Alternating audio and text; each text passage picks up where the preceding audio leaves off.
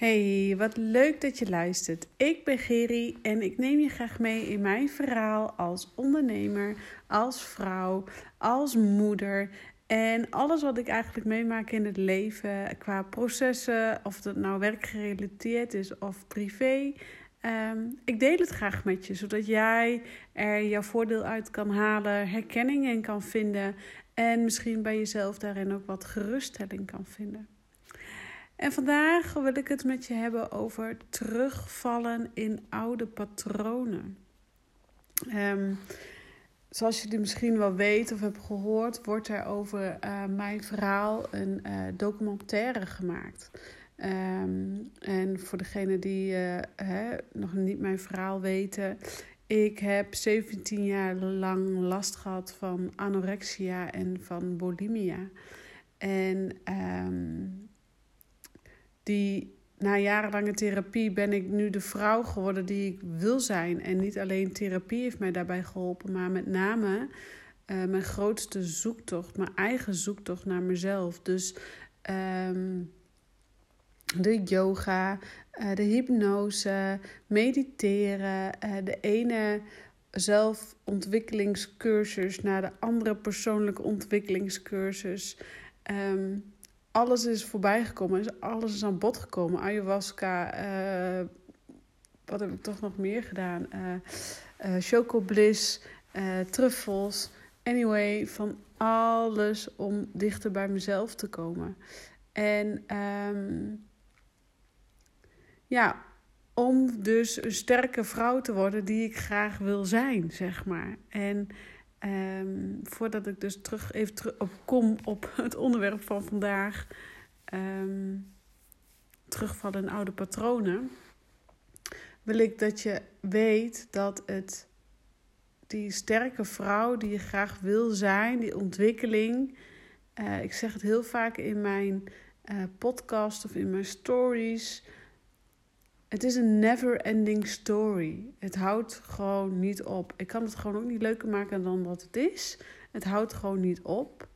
Alleen het maakt je keer op keer weer sterker en sterker en sterker. Um, dus ja, ik val eigenlijk direct weer in het diepe. Hè? Ik geef je direct weer even stof van nadenken. Um, maar goed, er wordt dus een documentaire gemaakt over mijn verhaal. Over mijn verhaal dus met mijn eetproblemen. Uh, de struggles die ik heb doorlopen. De vrouw die ik nu ben. De ondernemer, de krachtige ondernemer die andere vrouwen helpt um, uit dit stuk te komen. En, um, sorry. Um, die documentaire, aanstaande vrijdag gaan ze daarmee beginnen met de opnames. En uh, voordat wij, uh, voordat die documentaire wordt gefilmd, moesten natuurlijk foto's op tafel komen. Er moest natuurlijk uh, een script moest bedacht worden en weet ik allemaal niet, whatever. En um, alleen al het erover hebben met um, de makers van de documentaire zorgde ervoor dat er toch wel wat uh, onrust en emoties uh, naar boven kwamen waarvan ik eigenlijk niet wist dat ik, uh, dat ik ze had, dat, ik, dat ze er nog zaten. Um, dus dit zorgde ervoor dat je eigenlijk toch even weer terugging in oude patronen, in oude gedachtegangen. Ik heb het ook een beetje onderschat, denk ik. Ik heb denk ik ook onderschat wat het omhoog halen van die oude emoties wat dat met me zou doen. En um, ja, er gebeurde veel. Er gebeurde veel de afgelopen tijd. Want we moesten natuurlijk oude foto's terugkijken, oude emoties kwamen omhoog. Um, eigenlijk emoties waarvan ik dacht dat ik ze had weggestopt. Ja, ik had ze dus blijkbaar ook weggestopt, maar ze waren dus nog niet weg. Ze waren gewoon nog ergens in mijn systeem verstopt. En ik had daar maar gezworen nooit meer dat potje open te maken. Nooit meer zou ik dat potje openmaken. Want ik, wou, ik wil me niet meer zo negatief voelen. Of ik wil niet meer zo vol zelfhaat zitten. Of zo vol walging van mezelf. Maar goed, toen kwam dus de zoektocht weer naar die foto's. Het herinnering naar boven halen van de periode dat uh, Noek, mijn oudste dochter, net geboren is. En dat ik volledig in de bulimia zit. Um, wat voor spanning en onrust en zelfhaat ik op dat moment had. Het gevoel als falen als moeder zijn, het gevoel als falen als vrouw zijnde. En um, die emoties die kwamen natuurlijk niet alleen bij mij naar boven, maar ook bij Stef, mijn partner. Die kwamen ook daar weer even oude pijnen naar boven. Um, hij heeft natuurlijk, ja, we zijn nu al zo lang bij elkaar. En hij heeft mij leren kennen in mijn anorexia-periode. Um, dus, en, en natuurlijk na de geboorte van onze dochter de hele bulimia-periode. Dus hij kent beide kanten van mij. En um, hij kent de diepe dalen en hij kent ook de hoge pieken. Vooral de hoge pieken die ik de laatste paar jaar heb meegemaakt. De laatste twee jaar. Ik bedoel, twee jaar geleden zat ik nog gewoon volop in therapie. Hè? Was ik al wel genezen? Was ik al wel hersteld van mijn eetprobleem? Maar wist ik niet meer wie ik was. Wat ik echt leuk vond. En um, daar had ik ook nog gewoon gesprekken voor. Omdat ik gewoon echt letterlijk niet wist wie ik was. Um, dat even, by the way, dus eigenlijk nog maar twee jaar geleden dat ik echt helemaal klaar ben met therapie. Dat is echt bizar waar ik nu alweer sta. En um, ja, ik zit dat nu te relativeren en denk ik, wow, dat is echt bizar waar ik nu alweer sta. Um, maar het nam niet weg dat ik de afgelopen tijd, de afgelopen paar weken, meer onrust ervaarde omtrent eten, om uh, toch weer dingetjes naar binnen ging proppen, wat helemaal niet de bedoeling was. Dus oude patronen kwamen weer een beetje naar boven. Uh, en die oude patronen zaten met name echt, dus als ik een, dat ik dan toch weer een eetbui had gehad. En dat ik dan weer vol zelfhaat. Um, vol zelfhaat ging zitten zijn. Zitten, mezelf echt ging haten. Mezelf weer dik vinden. Mezelf weer lelijk vinden ik dacht echt, deze emoties, die heb ik toch allemaal al gehad. Dit heb ik toch allemaal al ervaren. Waarom moet ik er nu dan nog weer doorheen? Waarom? Waarom gaat het weer gepaard met zoveel pijn en zoveel verdriet en zoveel onrust? Um, dit, ik, dat heb ik toch niet verdiend, weet je wel? Die gedachten kwamen erop, kwamen er in me op. En um, niemand verdient het. Maar um, weet dat op het moment dat jij um, in oude patronen terugvalt, van eetbuien of uh, misschien vluchten in je werk of vluchtgedrag vertonen in weet ik veel waar jij vluchtgedrag vertoont. Um, met je kinderen altijd op pad gaan om maar niet thuis te hoeven zijn, want thuis ga je voelen. Of drugs, uh, weet ik veel wat jij nodig hebt om te vluchten. Voor mij was dat dus uh, eten en volproppen. En um, wat wil ik daar eigenlijk mee zeggen? nou, dat, het dus, dat je dus weet dat iedere keer dat je daar dus weer um, het is niet hetzelfde als bij mij als voor een paar jaar geleden dat ik echt volledig in mijn eetprobleem zat. Nee, het is nu in een wat diepere laag. Daardoor lijken de diepe dalen ook dieper. En zijn de lows dus voor je gevoel dieper, omdat je dus in die diepere laag onder in die emmer, je zit eigenlijk Als je een emmer met water hebt en, die, eh, en met een beetje modder, ja, dan gaat onder in die emmer gaat het modder lekker zitten en dan wordt het lekker drekken. Als je de water blijft laat staan, dat kennen jullie vast allemaal. En waar je dan nu in zit, waar ik dan nu in zit, is er gewoon in die drek. Je bent die drek er aan het uittrekken. En ik moet zeggen, voor mijn gevoel heb ik het meeste drek al wel weer verwijderd voorlopig. Um, maar de clue, uh, de kern van het verhaal is wat ik je eigenlijk wil meegeven. Is op het moment dat jij dus even weer voor je gevoel terugvalt in oude patronen, weet dan dat het niet letterlijk ook direct weer dat je tien stappen terug hebt gedaan. Of dat jij uh, letterlijk weer helemaal in jouw, in mijn geval dus het eetprobleem zit. Nee, het is er juist voor om een laagje dieper te gaan. En eigenlijk op het moment dat je onrust ervaart en dat je gevoel hebt dat je weer eetbuien krijgt of slecht slaapt of je weer gaat vluchten in werk of relaties of seks of drugs of weet ik veel wat je dus in gaat vluchten, je telefoon, uh, continu WhatsApp, Instagram, noem maar op. Ehm, weet dan dat je dus niet terugvalt in het oude patroon, maar dat het eigenlijk signalen zijn om het eens aan te gaan kijken en is die die mindere kant van jezelf of de negatieve kant van jezelf is aan te gaan kijken en te gaan realiseren. Wat is hier nu werkelijk aan de hand? En wat is hier nu werkelijk aan de hand? Om er daarna voor te zorgen dat je dus aan kunt kijken en los kunt gaan laten. En jezelf accepteren. Oké, ik ben nu even wat meer eten nodig als voor een paar weken geleden. Ja, ik weeg misschien nu wat zwaarder op de weegschaal. Maar blijkbaar zal het wel ergens goed voor zijn. Een soort beschermlaagje. Um, misschien ben ik dit nu wel even nodig om vervolgens straks weer keihard te kunnen knallen als een malle. En zo mag jij het ook gaan zien. Want ik kreeg, uh, deze podcast komt natuurlijk nu niet voor niets. Um, ik kreeg nogal veel reacties van mensen in mijn omgeving. Um, ik ervaar ook weer eetbuien. Hè? Als ik er open over ben, merk ik dat anderen daar ook open over zijn. En delen is helen. Dus vandaar dat ik ook gewoon heel open daarin ben en het deel uh, op Instagram en hier in een podcast. Um, ja, dat ik dus ook gewoon mindere dagen heb waarbij ik gewoon weer eetbuien heb. En die eetbuien, heel eerlijk te zijn, echt, echt wel vier, vijf jaar weg geweest. Um, maar ze zijn er nu weer. Dat is best intensief. Ik moet zeggen dat ik nu weer uh, in de lift zit, dus dat ik, uh, ze, dat ik het niet meer ervaar.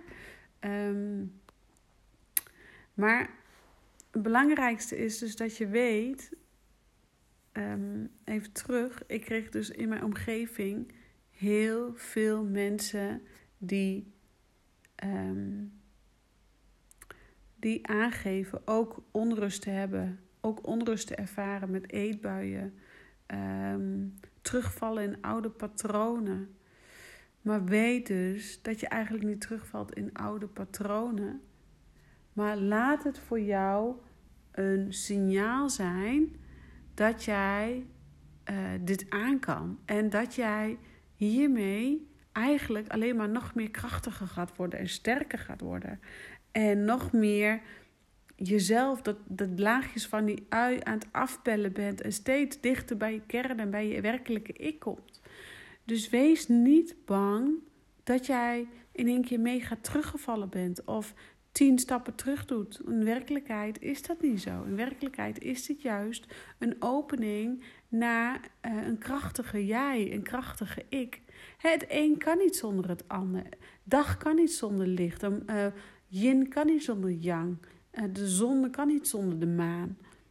En daarom kan het ook niet in jouw leven altijd maar roze geur en maneschijn zijn. Het kan niet altijd leuk, eh, lief, leuk en aardig zijn. Je moet je soms ook gewoon even kut voelen.